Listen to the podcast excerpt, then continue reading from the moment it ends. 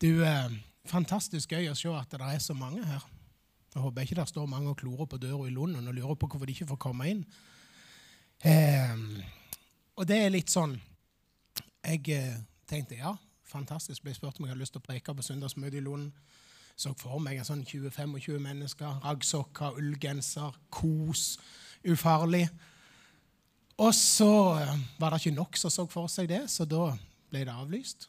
Og så er vi her, og så må jeg bare si til Miriam at da må jo dere selvfølgelig være fri til, til å gjøre hva dere vil med søndagen. Ingen problem. Du er mannen. Betania er plassen. Ingenting er forandra. Du bare forkynner det Gud har lagt på ditt hjerte. Og da måtte jeg eh, tenke meg litt om. For det jeg skal dele for dere i dag, er bergprekenen. Og da tenkte jeg at ja, en sånn koselig setting der oppe, så kan du på en måte bruke tid og forklare deg og alt sånn. Mens her står du for mange mennesker. Det er ikke sikkert jeg treffer alle dere etterpå i kafeen. Det er noen av dere som fyller på stream. Så ble det litt sånn ifst. Eh, men derfor måtte jeg vise denne innledningsvis. For bergprekenen det var nettopp det vi fikk se herrene. Fra en fantastisk kristen, meget oppbyggelig serie som heter The Chosen. Eh, det er ikke Bibelen bokstav for bokstav, men det er Bibelen utlevd, spilt ut. Eh, og her ser vi Jesus og bergprekenen. Eh, og det som slo meg når jeg så dette Jeg burde jo ha visst det, jeg burde jo ha skjønt det når jeg leste Bibelen. Men det jeg plutselig skjønte når jeg så dette, her, det var at det, det var masse forskjellige mennesker. Han sto ikke der og prekte til disiplene sine eller til menigheten. Det var masse forskjellige mennesker. Og så bare sier Gud helt enkelt til meg at eh, jeg tror folk tåler det den dag i dag òg. Så derfor får dere bergprekenen. Og hvis du kjenner at det er aldeles ikke til meg, så kan det kjempegodt være at du har rett. Det var det sikkert noen som følte på den tida. Jeg har ikke masse bibelvers på veggen bak, men vi er i Matteus 5, 6 og 7. Jeg leser ifra Hverdagsbibelen, så hvis du ikke syns at det stemmer med din konfirmantbibel fra 1930, 1987, 1989 osv., så, videre, så kan det godt være. Eh, det er ikke mine ord, det er Guds ord. Og det er Jesus som sier de. Sånn at når jeg leser dette på litt sånn halvveis dialekt, så er det ikke meg som har fått store tanker om meg sjøl. Det er ifra Bibelen. Men jeg syns det er noe med det til å si ting litt på egen dialekt. Ikke med egne ord. Jeg har ikke behov for å forklare det som står. Men det gjør det av og til litt enklere, og det trenger litt inn. Eh, der står det jo, som vi så herrene, at eh, en stor folkemengde fulgte opp etter Jesus. Så gikk han opp på et fjell. Og så begynte han å undervise dem. Og så starter han med å si salige er de fattige i ånden, for himmelens rike er deres. En annen bibeloversettelse den utbroderer det litt og så sier salige er de som ikke er så stolte i sin ånd, eller som ikke er så godtruende om seg sjøl i sin ånd. De som er litt ydmyke i sin ånd. De som ikke tenker så stort om seg sjøl i sin ånd. Salige er de, for himmelens rike, den er deres. Salige er de som sørger, for de skal bli trøsta. Salige er de som ydmyker, for de skal arve jorda. Salige er de som hungrer og tuster etter rettferdighet, for de skal bli metta. Tenk på det hvis du står i et eller annet og du kjenner det at ah, det her er troll, ikke rettferdig. Gud, hva skjer? Hvor er du henne? Din rettferdighetshunger skal bli metta.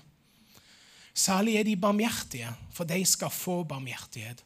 Og salige er de som er rene av hjerte, for de skal se Gud.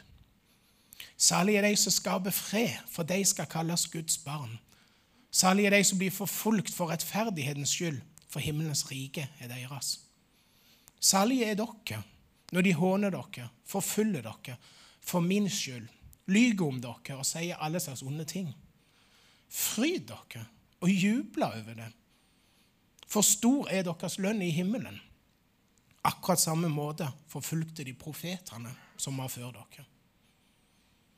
Dere skal jo virke som salt på jorda, som skal bevare verden fra forråtnelse. Men hvis saltet da mistes i kraft, hvordan skal det da kunne bli salt igjen? Det duger det bare til å bli slengt på bakken og bli tråkka på av menneskene. Jeg vet ikke hva som skjer med salt hvis det mister i kraft. Jeg vet det kan bli utvanna. Jeg vet vi slenger det rundt for at det ikke skal bli så glatt på fortauene og veiene.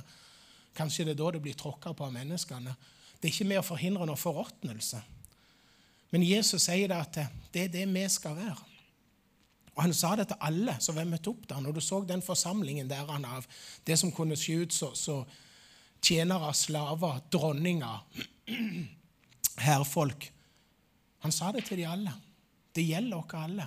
Når vi tar imot Jesus, så skal vi være hans representanter her på jord. Vi skal få lov å være det saltet som forhindrer at verden råtner. Dere er satt i denne verden for å bringe lys, sier Jesus.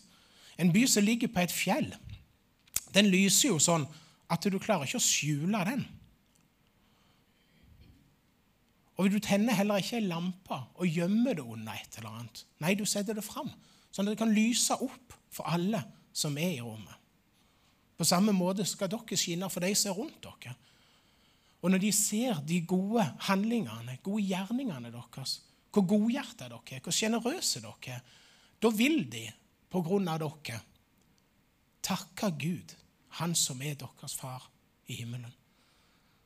Tenk det. De små, små tingene som jeg kan få lov å være med å gjøre for andre, for hverandre i hverdagen. Det er det som er med å vise Gud i verden i dag. Det er sånne små ting som er med å salte, som er med å lyse, som gjør at verden kan se det. At ja, ja, det er ikke bare elendighet, iallfall. Sånn innimellom så dukker det opp en god mann, en god dame, en god gutt, en god jente. Og så får du en sånn åh, ja, ja, det er ikke bare håpløst.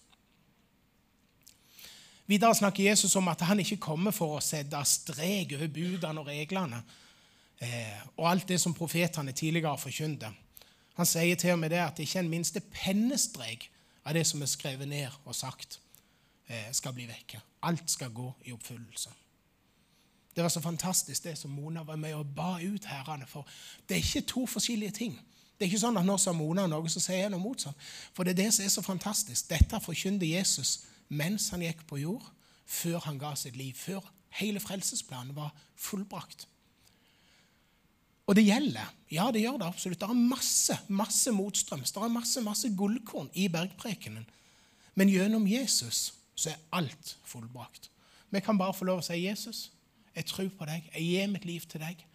Og så er du frelst. Harald sa det så bra her nå på tirsdag. Eh, vi går rundt og tenker at liksom, ja, han må bli frelst, hun må bli frelst, og vi ber for dem. Vet du hva? De er frelst. Det er ikke sånn at det er sånn Nei, Jesus gjorde det ferdig. Det er frelst. Det er en gave, et gavebord. Øverst. Verdens mest smikkfulle juletre. Fullt av pakker under. Og så må du egentlig bare stille opp og ta imot den gaven du har fått. Og Sånn er det for alle mennesker. Selvfølgelig skal vi be at mennesker skal bli berørt av Jesus. At de skal bli kalt på, at de skal komme til det øyeblikket der de kommer til seg sjøl og tenker oi, det er en pakke til meg. Jeg må finne den. Jeg må åpne den. Men alle mennesker er frelst. Videre så snakker han litt om det eh, med vårt liv. Eh, han sier at hver den som bryter disse budene og lærer andre mennesker at de ikke er så nøye med dem, han skal være den minste i Guds rike. Men hver de som virkelig tar sitt trusliv på alvor og lærer andre å gjøre det samme, han skal være stor i Guds rike. For én ting er sikkert. Hvis ikke deres liv langt overgår standarden til de religiøse lederne, som slettes ikke lærer, lever sånn de lærer, så skal dere aldri komme inn i himmelens rike. Og det er det godt å vite at eh, Jesus gikk føre en stund etter dette, bana veien. Men for de som levde på den tida, de som har preget til herrene, var det enormt vanskelige krav og bud og regler eh, på tusenvis som de måtte oppfylle. Og tenk hvis du fikk beskjed om det at ja, det du har hørt, Nei, det er ikke så nøye med den. det er ikke så nøye med den. Du hadde sikkert nesten blitt litt letta. Men der går han veldig veldig i tur med det og sier at nei, det er ikke sånn det Han drar det faktisk enda videre, for fra vers 21 i Matteus evangeliet 5 så sier han dere har hørt budet som er blitt forkynt gjennom generasjoner. Du skal ikke drepe. Det er ikke så mange som sånn hverdagslig protesterer på den, verken her eller da. Helt greit. Ifølge de budene har den som myrder, gjort seg skyldig i straff. Rimelig. Men jeg sier dere, sier Jesus Den som blir sint på en annen uten grunn, har gjort seg skyldig i straff. Den som kaller han for en idiot, eller din tufs, uten grunn, har blitt skyldig. Hold dere fast nå. Han fortjener helvetes ild, for ord kan drepe. Ganske godt at Jesus gikk føre og bana den veien, sånn at vi kan si sånn som Mona sa her, at takk Gud for at du tåler hele meg. At jeg kan få komme til deg sånn som jeg er. Men det er noe ekstremt sant i det som han sier der. For ord kan òg drepe. Det er det som må skille oss fra alt det vi ser rundt oss. I ei tid der vi er overivrige etter å dele våre meninger om alle mulige ting. Av og til er det kjempebra. Av og til etterpå så sitter jeg igjen sånn Amerikanerne sier det 'wool in my mouth'. altså Det er sånn, sånn som en ullsokk i munnen. altså sånn, bøh, Ekkelt. sånn, åh, Kunne ikke holdt munn? Kunne ikke klappet igjen PC, lagt vekk mobilen? Skulle jeg borti det og bry meg om et eller annet? Og mange ganger så er jo ting altså, du, du, kan ikke kalle det tilbake heller. Når du først har sagt noe Jeg tror ikke at vi lenger fortjener helvetes ild for det vi kaller noen for en idiot. Det takker jeg Gud for at vi ikke gjør. Men det er likevel kjempeviktig at vi kan styre våre tunger, styre fingrene når de løper over tastaturet. Tenk oss om en ekstra gang. Er det så viktig? Salte dette? Lyse dette? Eller er det sånn som det står litt seinere, at eh, hvis øynene kniper igjen De ikke åpner lys, men de nærmest kniper igjen av gjerrighet og ondskap, så blir du som en mørk, mørk kjeller i plassen for det lyset som Gud har tenkt du skal være. Videre sier han at eh, derfor, hvis du kommer til gudstjenesten for å gi en gave til Gud Nå er det litt for seint når du har gjort det, men jeg tenker at det ikke bare er snakk om en gave. Det er det å komme, eh, bringe fram noe, komme her og være. For det at du, der du sitter, du er jo med på denne gudstjenesten. Du tar imot, du får, ja, men du er en del av denne gudstjenesten. Hvis du kommer her en gang og kjenner det, kommer på det, står det, at det er noen som har noe imot deg, så legg ifra deg den gaven. Og så gå og ordne opp først med den personen. Annen oversettelse sier 'ordn opp med den personen med første mulige anledning'. Etter det så kan du gå tilbake, sier Jesus, og gi gaven din. Og Der er det noe utrolig befriende. For mange år siden jeg skulle preke på et ungdomsmøte herrene, så hadde vi hatt en diskusjon på jobb. Og så, ja, dette er jo minst like mye til meg. Ikke tro at Odd er ferdig med dette. Nå står han bare og lærer dere hvordan dere skal gjøre. Virkelig, virkelig ikke. Så har vi hatt en krangel, og så går alle hver til sitt. Og så sier jeg noe om ei som ikke er der. Det gjør vi jo, tøffe når de ikke hører oss. Men så gjorde hun det. Og så plutselig står hun der, og jeg bare ser tårene trille. Og så kjenner jeg nei, nei, nei, kjære. Jeg fikk gjort opp med hun der og da. Gikk hjem og forberedte meg. Og så bare kjente jeg ja, men hjelpe meg, jeg skal jo på møte og tale. Og jeg bare ringte henne, snakket med henne, hatt en lang, lang, god samtale. Så vi var jo ferdig med det. Jeg sa jo det var greit. Det var dumt, det var trist, men det var greit. Jeg kunne jo bare gått på herrene og bare liksom Ja, ja, vi er jo ikke sagt unnskyld, ikke sant? Men det hadde kverna og kverna og kverna. Det hadde sikkert blitt verdens gørreste ungdomsmøte. Det mest elendige preken. For det hadde tatt så mye av tida mi. Men, men jeg da sa det til henne, sa ja, men kjære folk, jeg har ikke sagt det var greit. Det var greit. Men jeg hadde så behov for å si det. vet du hva, Det var så teit, det var så dumt. Jeg mente det jo egentlig ikke. Det var bare sånn frustrasjon etter en diskusjon. Og så kunne jeg få lov å gjøre opp med det. Gjør det med første mulige anledning, sier Jesus. Så kan du komme. Løfte hendene i lovsangen. Prise Gud. Del av vitnesbyrdet. Gi av dine gaver. Ikke nøl med å gjøre opp den konflikten mens du ennå har muligheter. Ta initiativet, sier Jesus. Ikke vent for lenge.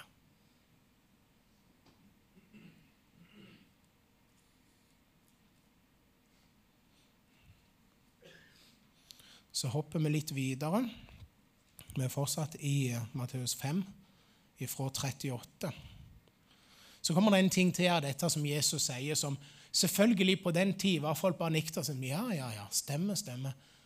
Du må ikke tro at selv om Bibelen og det som skjedde på Jesus' i tid, nå er 2000 år, Gamle testamentet mange mange tusen år Du må ikke tenke at det ikke er relevant lenger, at det ikke gjelder. Men det er jo en del ting med konteksten som vi kanskje ikke forstår like godt Silvia snakket herren om hyrdestaven. ikke sant? Opp med hånd, De som med hånd opp i hjertet kan si jeg vet fullt og helt hva hyrdestaven er for noe. Ja, Jeg skrøtter gjerne litt. Jeg vet ikke gjerne fullt og helt engang. Men, men der og da så var det sånn når folk snakket om det, ikke sant? Så, så visste de med en gang hva det ville si. En del av disse tingene går litt glipp for oss i det. Det er det jeg syns var så fantastisk med den serien som jeg viste et klipp av herrene. Men et annet triks er jo faktisk å bare lese et vers, og så bare tenke. Hvordan var det? Jesus så folkemassen, så han gikk ifra dem, og så gikk han opp på et fjell. Så kan du se for deg og ok, Nå snakker jeg rett over hodet på en del herrene, men jeg skal forklare. Så kan du se for deg papp-Jesus på flanellografen på søndagsskolen. Så dum-di-dum-di-dum-di-dum. Gikk opp, og så sto han på et så høyt fjell. Eller så kan du tenke hvordan var det der? Og så kan du gjerne, Kanskje du sitter noe sånn som dette, så kan du se for deg ja, det var et fjell. Og når det står at det var et folkehav, så var ikke det den der lille pappfiguren med tre mennesker på. Det er ikke sikkert dere aner hva det er, men sånn hadde vi søndagsskole jeg vokste opp.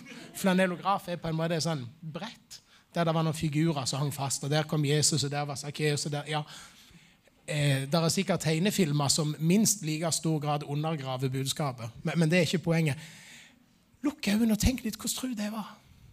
Når det står at det var et folkehav Andre plasser så står det om Jesus samla 5000 menn, foruten kvinner og barn.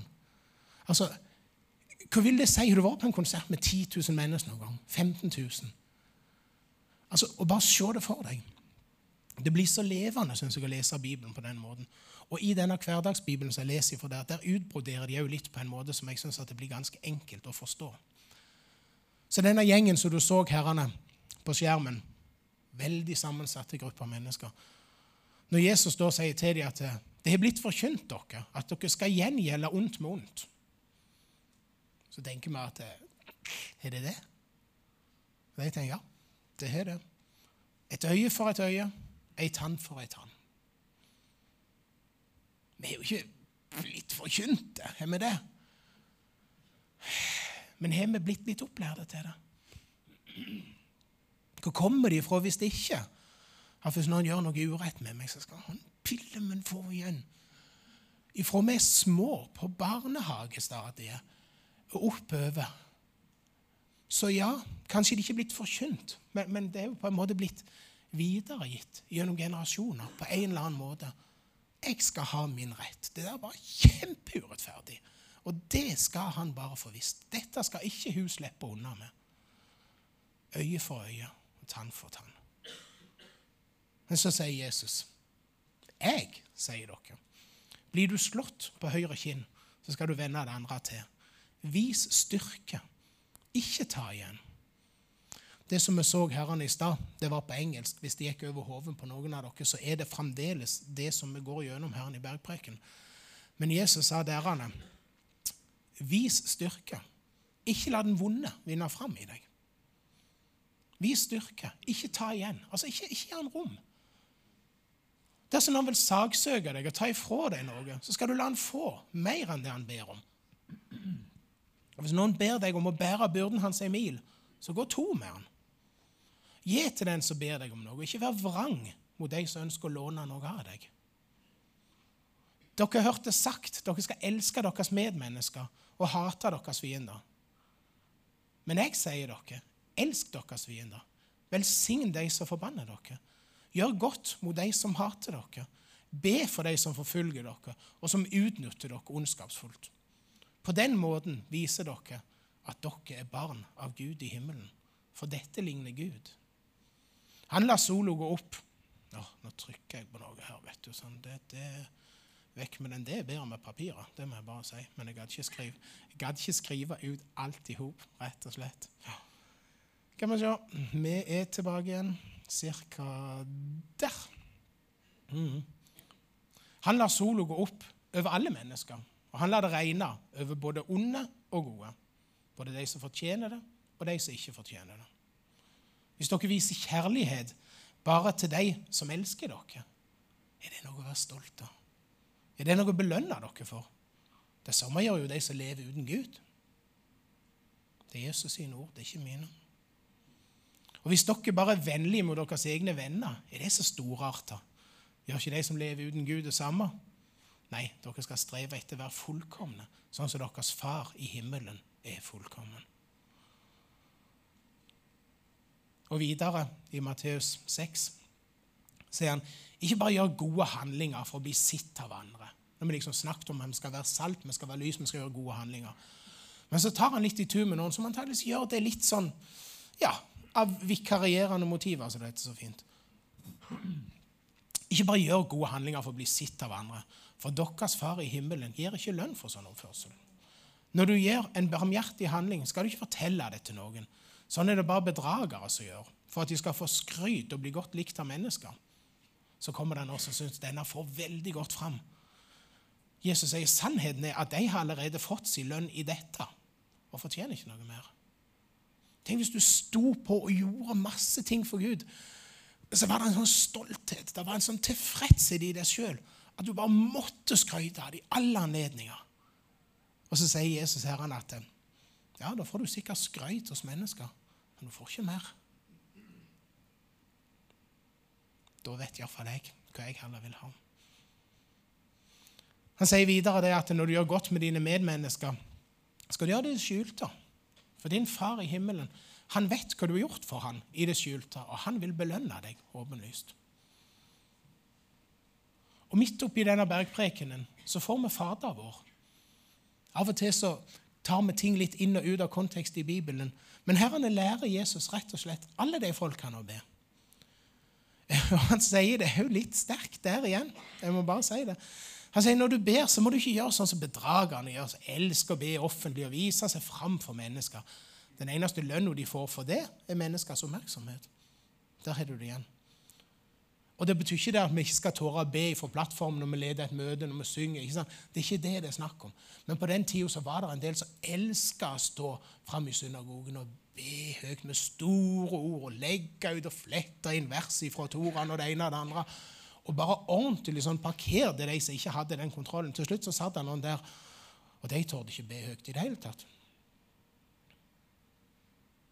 Tenk på det neste gang du er samla i en gruppe, i et fellesskap, et eller annet Be kort, enkelt. Ikke la det begrense deg. Be i alle ting.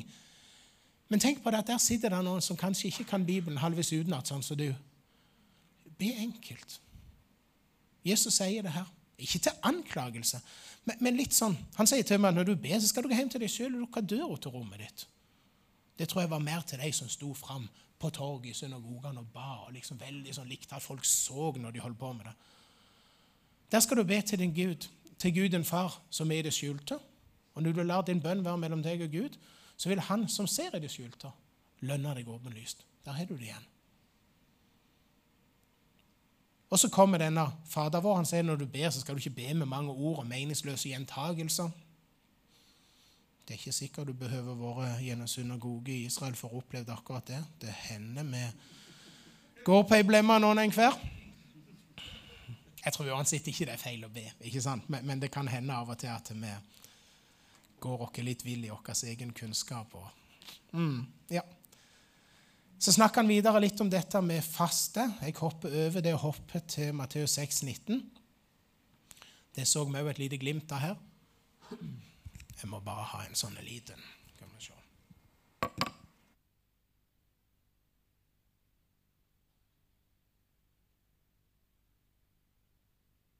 Jeg er så glad for den podkasten. Jeg sa innledningsvis podkast og stream. og sånt.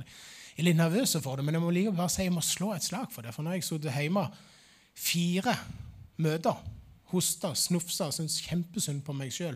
Sånn ordentlig manflu som dere damer ikke aner hva er for noe. Skikkelig skikkelig utslått. Så utslått at jeg ikke kan gå verken på møter eller på jakt. Bare si det. Mm, bare si det. Så sjuk. Så sjuk.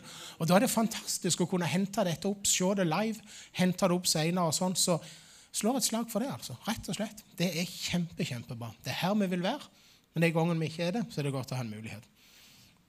Men nå er jeg her, så får ei hostekule, så, så behøver du ikke få panikk. Det er stort sett på vei forbi. Ja. Eh, men Jesus sier noe med det med å ha rett fokus. Han sier ikke bruk livet på å samle dere skatter her nede på jorda hvor ting blir gamle, møllspiste og rustne, og hvor tjuvene bryter inn, og du risikerer å bli frastjålet alt det du har. Da er det mye bedre at du samler deg skatter i himmelen, hvor det verken er møll eller rost eller tjuver som stjeler. Husk at der du velger å samle dine skatter, vil også oppmerksomheten, interessen og kjærligheten din være. Nok en gang, jeg synes det, Han sier det så bra. Det er ikke det at vi skal ikke ha ting, at vi bare skal gå kledd i en gammel striesekk. Det er ikke det det er snakk om. Men, men det er hvorfor samler du, hva samler du til, og hvor er interessen din? Veldig, veldig viktig. Gud vil at vi skal ha gode ting. Det er ikke tvil om. Så, så ikke la de to stå som motpoler. Men hvor er fokuset? Er det Gud? Er det himmelen? Er det å få lov å fortelle om det du har hørt og sett? Eller er det bare samla, samla, samla? Så sier han litt med dette med øyet ditt som er lampe for kroppen. og eh, Hvis øynene dine er store av tro og begeistring, så fylles kroppen med lys. Jeg nevnte det litt i stad. Men hvis øynene er halvt gjenlukt i grådighet og mistro, så blir kroppen en sånn mørk kjeller. Hvis det som skulle vært lyst, heller er mørkt, hvor begmørkt blir ikke livet da? Det syns jeg er knallbra sagt. Åpne opp. Altså, La trua slippe inn, men òg stråle ut ifra oss. Det er det vi er kalt til.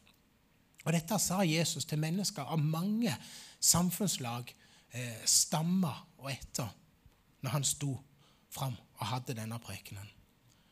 Han sier videre, velkjent ord, men veldig viktig likevel. Ingen kan nemlig tjene både den hellige Gud og denne verdens Gud. De er så forskjellige at den som elsker den ene, vil forkaste den andre. Det er ikke mulig å tjene både materialismens Gud og himmelens Gud. Så det er ikke noe farlig å ha ting, ha jobb, ha lønn, ønske seg ting, ønske seg hus, ønske seg bygge trygge, gode rammer her, men bygg en vei som leder inn til himmelen. Bygg noe som holder etterpå. Ha noe du kan gi videre til slekt, venner, til unger, som ikke bare er et halvveis nedbetalt hus og en gammel bil, men gi dem verdier så de kan ta med seg som virkelig, virkelig har verdier.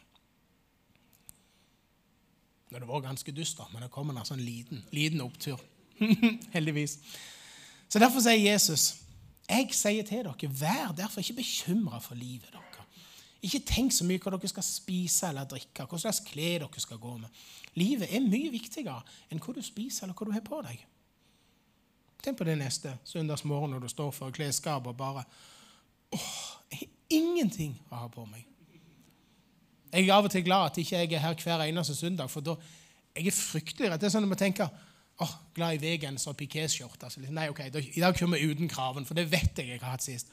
Altså, Jeg er gutt 50, ikke sant? men jeg jo kan få litt den der åh, Tenk hvis jeg nå har hatt på den samme skjorta tre ganger på rad, og nå legger jeg merke til det. Altså, Ikke vær så bekymra for det. Heller gi meg et hint hvis det begynner å skyte seg. Jeg har møteuniform. Jeg har ikke det. Men eh, et vennlig hint fra noen som står meg der, liksom at eh, og nå er det femte søndagen med den genseren. så nå...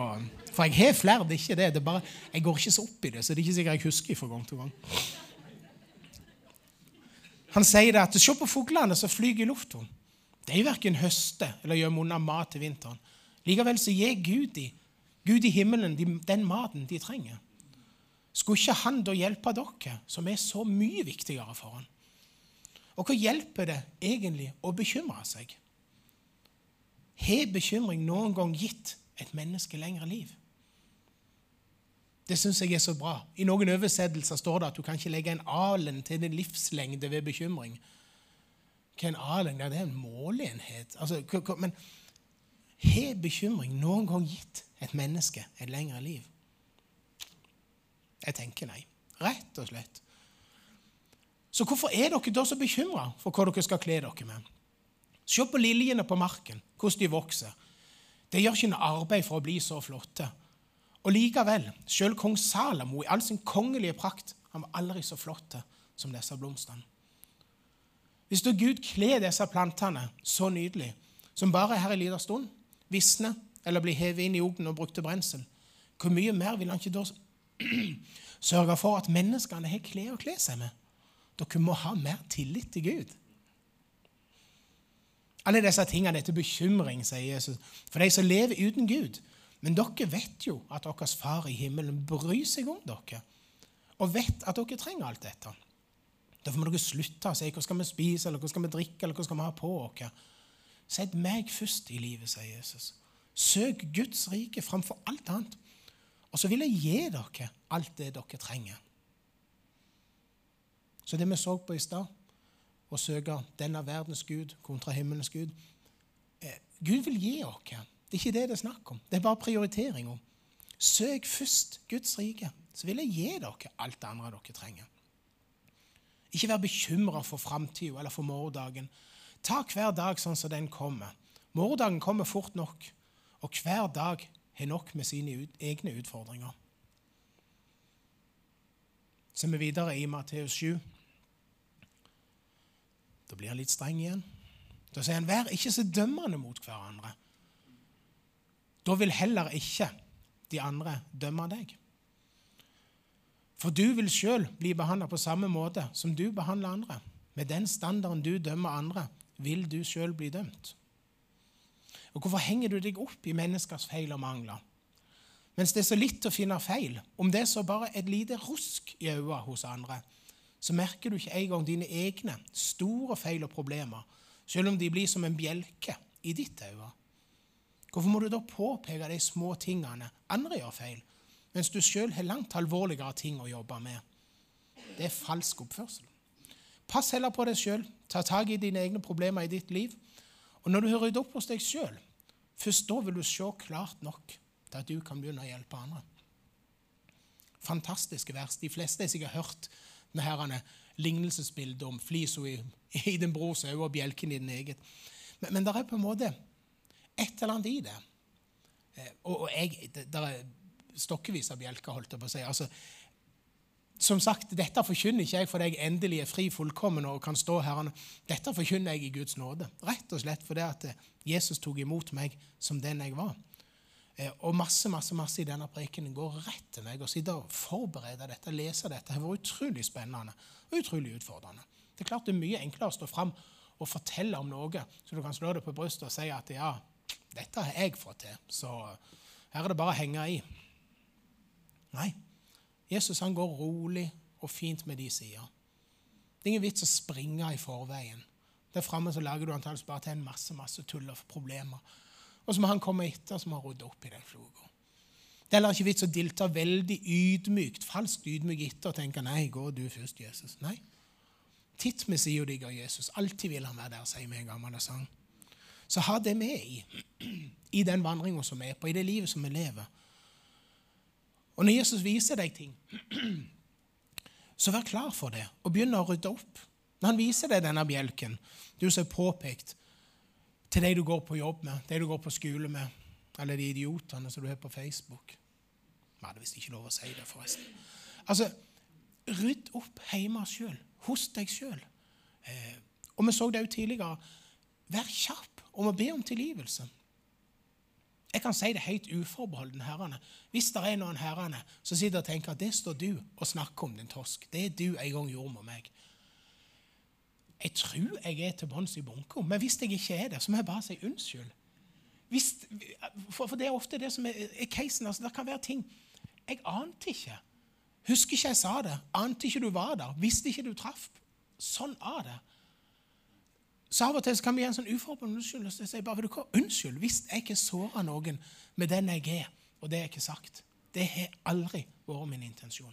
Enkelte ganger så peker Gud på det, og så må jeg gå. Så kan jeg gå til Roger hvis det er våren, og så kan jeg si vet du hva? det her som jeg sa, kjempelei for det. Og når Gud peker på det, så gjør det. Eh, ikke ha sånn der en full runde til alle. Det kan mange ganger skape større problemer. Ikke gå til de du gikk på barneskolen med, og så si det. 'Vet du hva, jeg syns du var altså så teit når vi gikk på skolen.' 'Og vet du hva jeg sa, det kallenavnet, det var meg som kom på det.' og sånn. Altså, ikke sikkert det er måten å begynne å rydde i flis kontra bjelker på. En del ting kan godt få ligge, og så kan du bare si til Gud 'Tilgi meg', og så er det rydda av veien. Men hvis du da konkret kjenner det, at her er det noe, her er det noe, en person jeg må gå og snakke med, så gjør det. Det er en enorm kraft og befrielse i det. Du, avvæpner makt og myndighet. Du avvæpner djevelen, som ville komme og pirke med deg gang på gang. Står du her oppe og synger, står du her oppe og taler, så ser du han og sånn Å nei, han her. Å, det var da når vi skulle ha vondt, ja. Rydd det vekk. Rydd det vekk. Enkelt og greit. Så, først da, sier Jesus, når du rydder opp hos deg sjøl, så kan du se klart nok til å begynne å hjelpe andre. Og det er det vi har lyst til. Vi er med å veilede hverandre på denne veien. Og så kommer det noe som er ganske viktig, og som òg forstår det rett. Han sier ikke del det som er hellig for deg, med hvem som helst. Folk kan komme til å tråkke på det. Det som å gi noe som er hellig, til hundene. Dere vet at det finnes mennesker som vil latterliggjøre dere for det dere står for. Tidligere så, så vi jo litt på det at vi skulle liksom stå rakrygga og bare kjenne det at ja, de som forbanner oss, de skulle vi velsigne, ikke sant? og vi skulle tåle det. Men, men, her står det noe om dette, og det, det går på de tingene som opplevelser som du har med Gud, ting som Gud taler til deg. Det kan være profetier. Dere vet hva det er. ikke sant? Altså Noen kommer med et ord og så sier det at vil dere, jeg opplever Gud sier sånn og sånn til deg. Det er ikke sikkert du skal rett opp på talerstolen etterpå og si vet du hva Gud sa til meg. Av og til så skjer det ikke sånn som vi tolker det og tror. Så kan mennesker sitte og tenke ja, det var Odd, ja, det ble noe av han. Han sto fram i tidlig alder og sa at sånn skal jeg bli, for det hadde Gud sagt. altså. Så, så enkelte ting er kjempebra vitner. Virkelig, Jeg elsker når vi har mennesker her oppe som kan fortelle om livet, ting som de opplevde med Gud. Men så har du innimellom noen sånne skatter. Bare gjem de. Gjem de inn i hjertet. Plutselig en dag så sier gjerne Gud at nå, nå er tida til å ta det fram og vise det. Så vær litt obs på det. Innimellom så er det sånn at det, det, er ting Du deler det, og så kjenner du bare det at åh, ingen som forstår det. Og Det blir så teit. Jeg fikk ikke sagt det sånn. Kanskje det er en sånn ting som du bare skal bevare til ti år etter. Harald snakket litt uh, i prekenen ja, Sånn går det når du ikke har vært her på en sånn forrige søndag. holdt på å si. Det, når Harald prekte her en søndag, sier det sånn, så pekte han på litt på dette med bibeloversettelser. Nå leser jeg fra en litt annen oversettelse i dag som heter hverdagsoversettelsen. Eh, hverdagsbibelen. Men altså, Bibelen er jo skrevet på et par språk, og så den oversett etter beste vilje, beste evne, inspirert av Gud. Men, men sånn innimellom så er det noe som forsvinner litt i oversettelsen. Eh, her står det jo videre, sier Jesus, be, så skal dere få. Leit, så skal dere finne. Bank på, så skal det bli åpna for dere. Eh, men, men, der viste Harald Tein, som hadde studert grunnteksten. Han sier det at det, det skal få. Men, men, men, egentlig så står det at det, vi skal være litt mer aktive enn det. Vi skal ikke bare sitte og sånt, vente på gavedryss, men vi, vi, skal ta det til oss. Det har på en måte blitt gitt oss, så vi må bare ta det til oss. Åpne det opp. Eh, be, så skal dere få. Leit, så skal dere finne. Bank på, så skal det bli åpna for dere. Men vi er i en heldigere stilling. Vi har fått hele Guds fylde ved Jesus Kristus og Den hellige ånd inn i vårt hjerte når vi tar imot ham. Det, det, er så grensesprengende at vi, ja, det, vi må ha noen sånne runder som Harald har med av og til på de her møtene, og snakke om det. For det er det så stort at det er nesten vanskelig å forstå. Men her står det Be, så skal dere få. Leit, så skal dere finne. Litt annerledes den stillingen vi er i i dag. Eh, men Jesus sier at hver den som ber, han får. Og hver den som leter, han skal finne. Den som tar initiativ her synes jeg det er bra, for Da blir vi litt mer aktive kristne igjen. Og banker på. Han skal det bli åpna opp for. Eh, og litt sånn er det. Det er ikke alltid vi bare kan sitte på rau og tenke at ja, det får bare komme dettende når det skal. Innimellom så må vi være litt aktive på disse tingene. Og be, ja, men innimellom sier Gud ja, det er bra. Nå har du bedt. Nå må du gå. Nå må du gjøre dette. Ikke sant? Du kan ikke bare sitte her og be noen gå til han eller gå til hun hvis Gud viser seg at det, det er deg. I dag ble det du. Så da må du gjøre det. Åpne opp. altså det, det, kan være muligheter, alle mulige ting. Innimellom så sier Gud at ja, men nå, nå, nå, er du den muligheten. Det som jeg har lagt på deg, det var ikke fordi du skulle kose deg, det var kanskje fordi du skulle på deler av det her. Så skulle du være den som åpner ei dør for noen som bedt om det. Kjempespennende å leve sånn. Så snakka han litt om dette med dere som er foreldre. Ville dere gitt ungen deres en stein hvis han ba om et brød? Eller en slange hvis han ba om en fisk? Selv dere mennesker, onde som dere er, gir jo ungene deres det de ber om. Hvor mye mer skal ikke da deres far i himmelen gi dere gode ting? så sier han òg et sånt tilbakeblikk som var veldig forståelig for deg da. Du kan studere det når du kommer hjem og se hva det vil si, men han sier det de tidligere profetene har skrevet, gjelder fortsatt. Alt det dere vil at andre mennesker skal gjøre for dere, skal dere gjøre for dem. Akkurat det ordet har du helt sikkert hørt. Men Jesus sier det at det de tidligere profetene har skrevet, det gjelder fortsatt. Så dette viser jo tydeligvis til et eller annet. Så vet vi jo, men Jesus sier det her, det er ikke alltid litt å finne veien til det virkelige livet. Porten til himmelen er trang, og veien der er smal.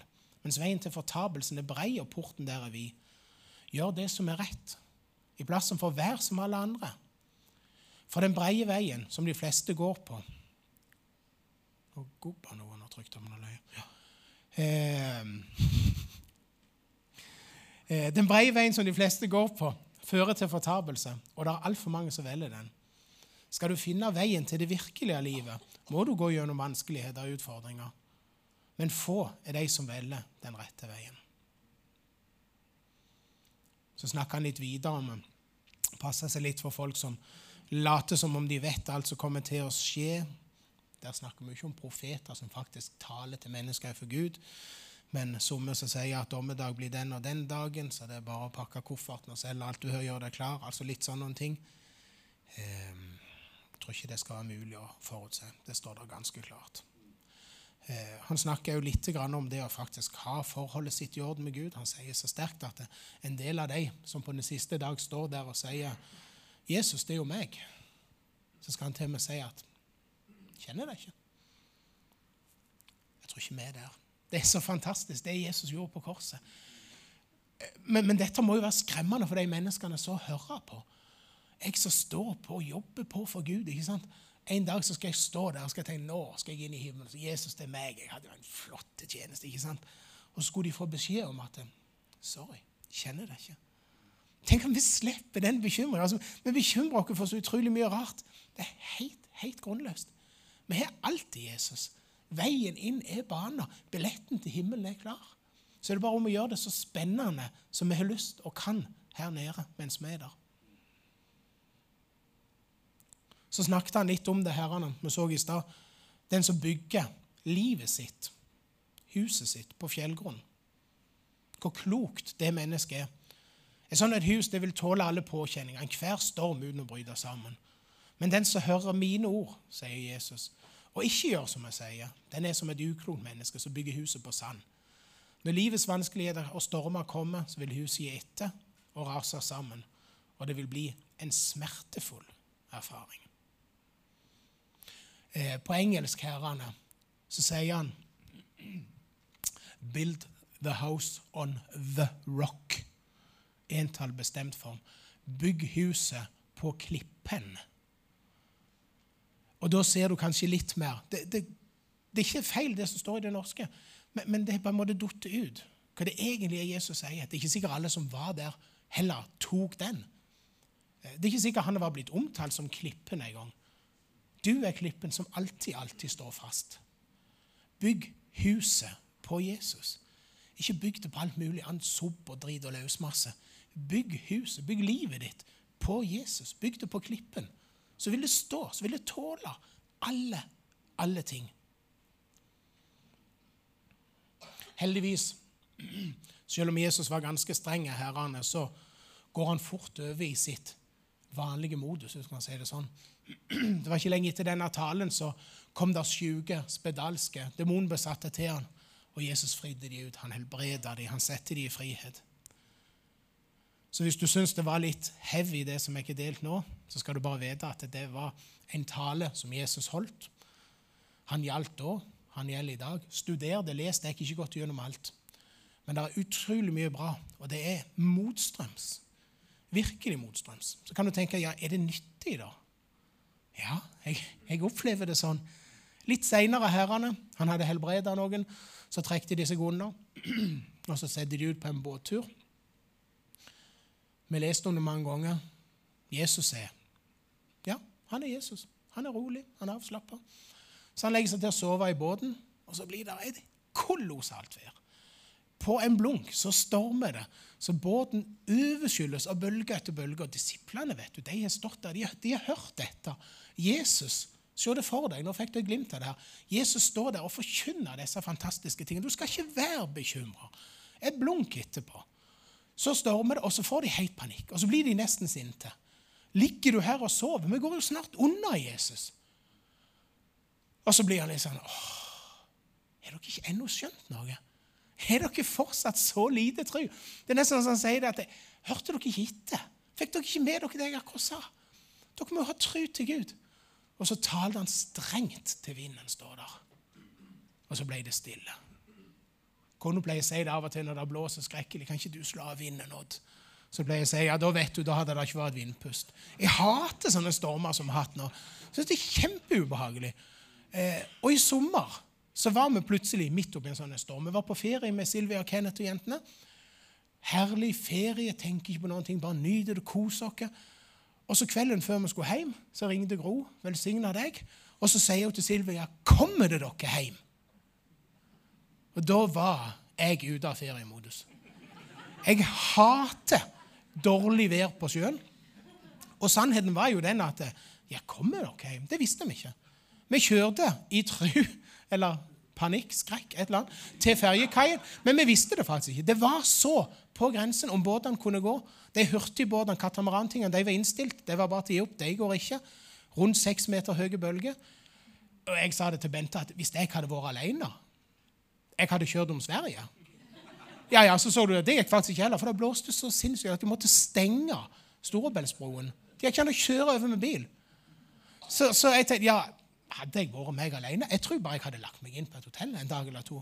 Men så så vi det at allerede der hadde Color Line sagt at hvis ferja går i dag mm -hmm, Men i morgen overmorgen går hun iallfall ikke. For det er en topp. Og så er det litt sånn Og det har du ikke ennå lært? Og så ble jeg sånn Ja. Jesus, ja. ja. Der var det noe greier. Og så måtte jeg bare si det til Gud, vet du hva? Det vet du at det her hater jeg. Og jeg skal ikke be deg stille stormen, jeg skal ikke be deg stille bølgene, men kunne det bare vært noe? Og Da blir jeg så bevega, for det er så spesielt. Det er en sånn liten ting. Jeg har nesten glemt det når jeg spurte i sommer. Ja, hva er du opplevd? Når kjente du sist at Gud virkelig var med deg? Og så, så glemte jeg det. Og så måtte jeg si etterpå nei, nei, nei, vet du hva? Der og da så stille han stormen i mitt indre. Og så kunne vi gå og si dere, ja da, vi avlyste buffeen. Vi gjorde det. Det er jo ikke helt sprengende heller. Eh, fant en god hvilestol, sette meg der. Og jeg sa der og tenkte at ja, dette er jo ikke ille. Sånn kan jeg jo seile dag ut og dag inn. Det er ikke verst. Bente og noen, hun er mye tøffere enn meg i båt. Hun var rundt og gikk litt og kunne bekrefte ja, det var, det var ganske basje, ja. Men, men eh, det skal mer til å skremme henne. Men, men, der satt jeg helt ærlig og opplevde som om ingenting. Og da tenker jeg ja, Gud stilte ikke bølgene. Det ble kaos. Det ble to dager uten ferje til Danmark. Men han stilte bølgene inn i meg. Så etter en sånn en preken, etter bergpreken, hvis du kjenner det at dette ble hardt, dette ble tøft, så skal du vite det at bare et øyeblikk etter, litt sånn strenge ord til de menneskene var samla, så var Jesus i gang igjen. Han helbreder mennesker, han setter mennesker i frihet, og han stiller stormen, sånn at disiplene kunne kjenne å, oh, yes, det er jo her vi må være. Det er jo tid til Jesus vi må være. Det er jo der det er løsninger. Det er der det er svar. Vi skal snart gå inn i nattverden, men vi skal òg ha forbønn.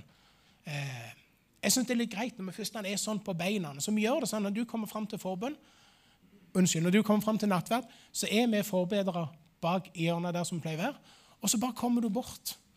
Vi er oppe, vi går, det er litt mer ufarlig enn du plutselig skal bryte ut av benkeratene. Men bruk denne sjansen til å komme og få forbønn. Om det er for noe av det som Jesus tok opp i bergpreken, om du bare kjenner det at det er en storm som brygger opp i ditt liv, i ditt indre, som du har lyst til å ha hjelp til, det å få forbønn er jo egentlig litt sånn som Kurt Børg sier med pitstoppen. Altså, Du må innom, du må ha en liten sånn av og til. Og det er jammen ikke bare ektepar som trenger det. Det trenger vi alle. En liten velsignelse. Sende deg ut i hverdagen. Så bruk den sjansen til dette.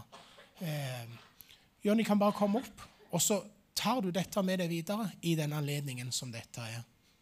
Vi står sammen om disse tingene.